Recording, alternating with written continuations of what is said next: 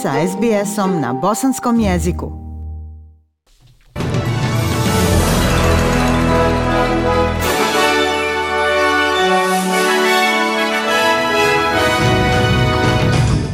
U današnjim vijestima poslušajte.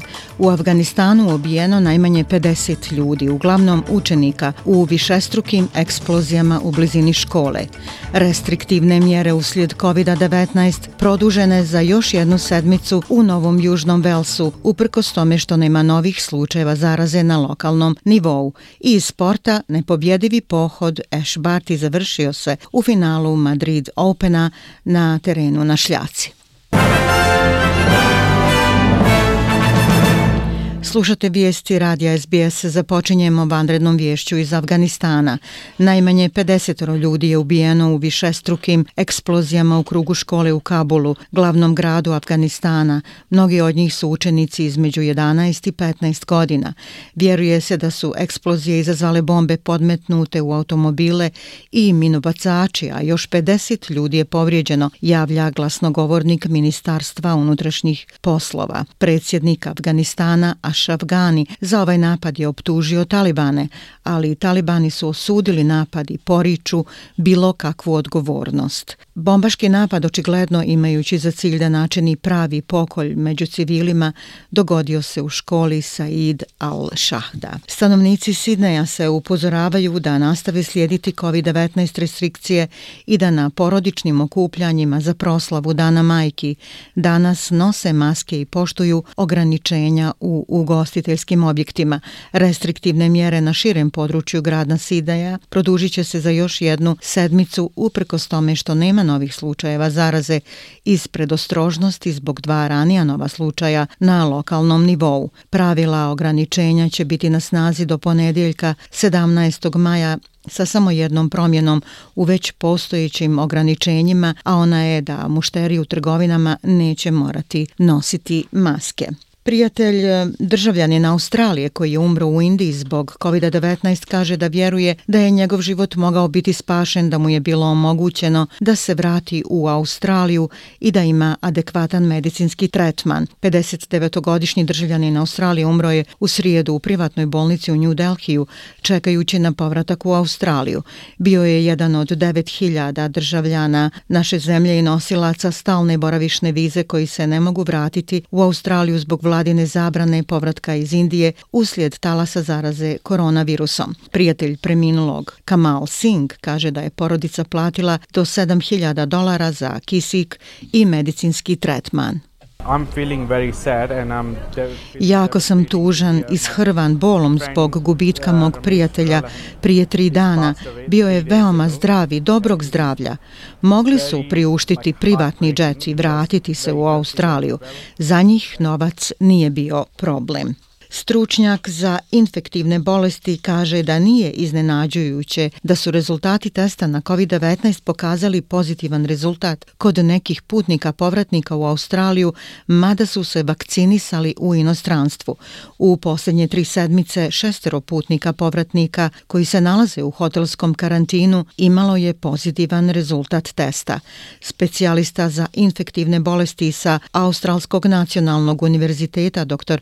Sanjaya Senena Jake kaže da sa COVID-19 uvijek postoji rizik od zaraze. Većina informacionih RAN vakcina su 80% efikasne u spriječavanju svih tipova infekcije, uključujući i one asimptomatske infekcije, što je zaista sjajno, ali nisu 100%, tako da će uvijek biti i izuzetnih slučajeva. 30-godišnji muškarac iz Sidneja za koga se navodi da je regrut islamske države uhapšen je i optužen na svom povratku u Australiju. On je doputovao u Melbourne letom iz Turske oko 4 popodne u subotu i uhapšen je na aerodromu. Čovjek je navodno putovao 2013. u Tursku, a onda u Siriju, gdje je pomagao stranim borcima da putuju kroz zemlju.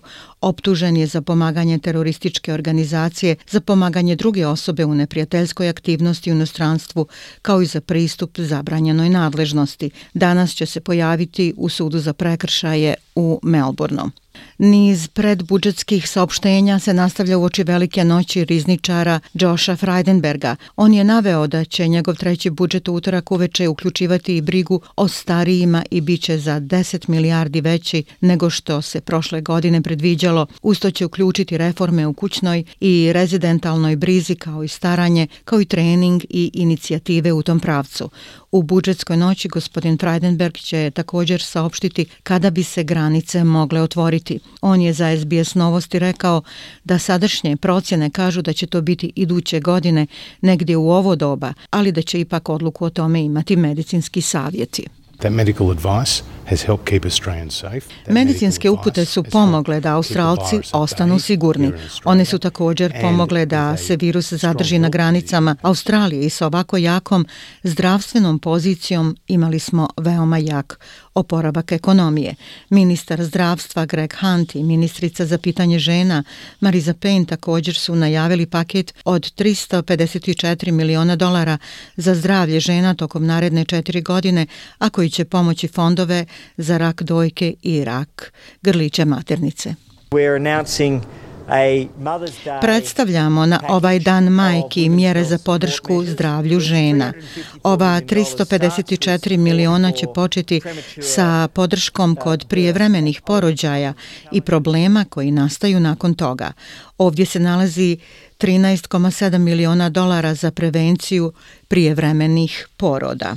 Iz svijeta, stranke koje se zalažu za neovisnost osvojile su većinu na izborima za škotski parlament, otvarajući tako put za veoma bitnu političku, zakonsku i ustavnu bitku sa premijerom Borisom Johnsonom, a u vezi budućnosti Velike Britanije. Prvi ministar Škotske Nikola Sturgeon kaže da ovi rezultati znači da će ona pojačati planove za drugi referendum za nezavisnost kada se završi pandemija COVID-19. Građani Škotske su na izborima za škotski parlament većinom za stranke koje se zalažu za neovisnost. Za sada još se ne znaju tačni brojevi, ali je izvan svake sumnje da će u parlamentu biti puno više onih koji su za nezavisnost nego u prošlom sazivu parlamenta. Škotska nacionalna partija kao i škotski zeleni zauzeli su jasnu poziciju da će održati referendum o nezavisnosti u toku sljedećeg parlamentarnog mandata. Mi smo zajednički odlučili da će vrijeme održavanja referenduma biti odlučeno prostom većinom članova škotskog parlamenta. Stoga ni na koji način se ne može smatrati da je referendum samo moj zahtjev, niti socijalističke stranke. Ovo je obećanje dato narodu velikom većinom članova koji su izabrani u nacionalni parlament. U međuvremenu Sidik Khan je ponovo izabran za gradonačelnika Londona. On kaže da će graditi mostove između različitih zajednica unutar glavnog grada u svom drugom mandatu, a usred pandemije koronavirusa. I promise to strain Obećavam da ću iskoristiti sve mogućnosti da pomognem u izgradnji bolje i svjetlije budućnosti Londona nakon mračnih dana pandemije i napraviti zeleniji, pošteniji i sigurniji grad gdje će svi stanovnici Londona imati mogućnost da ostvare svoje potencijale. Gospodin Khan je osvojio 52,2% naspram 44,8% koje je osvojio Sean Bailey koji je bio kandidat konzervativne partije premijera Borisa Johnsona.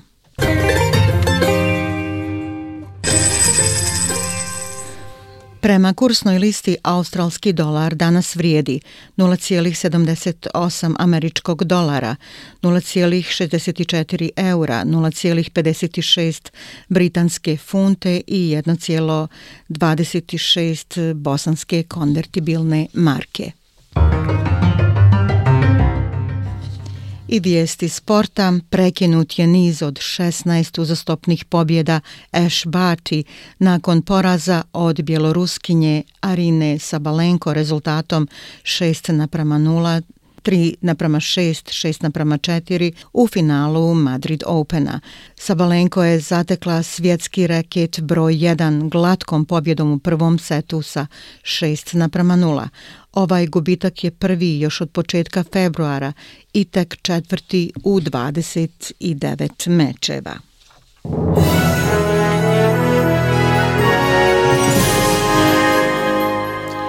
I na kraju vremenska prognoza temperaturne vrijednosti za veće gradove u Australiji.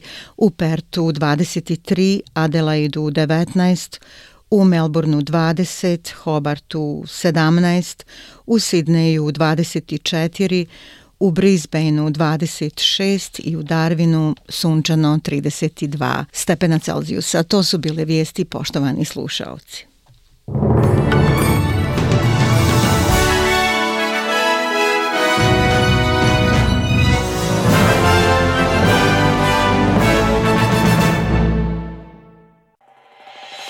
SBS na bosanskom. Podijelite naše priče preko Facebooka. Želite poslušati još ovakvih priča?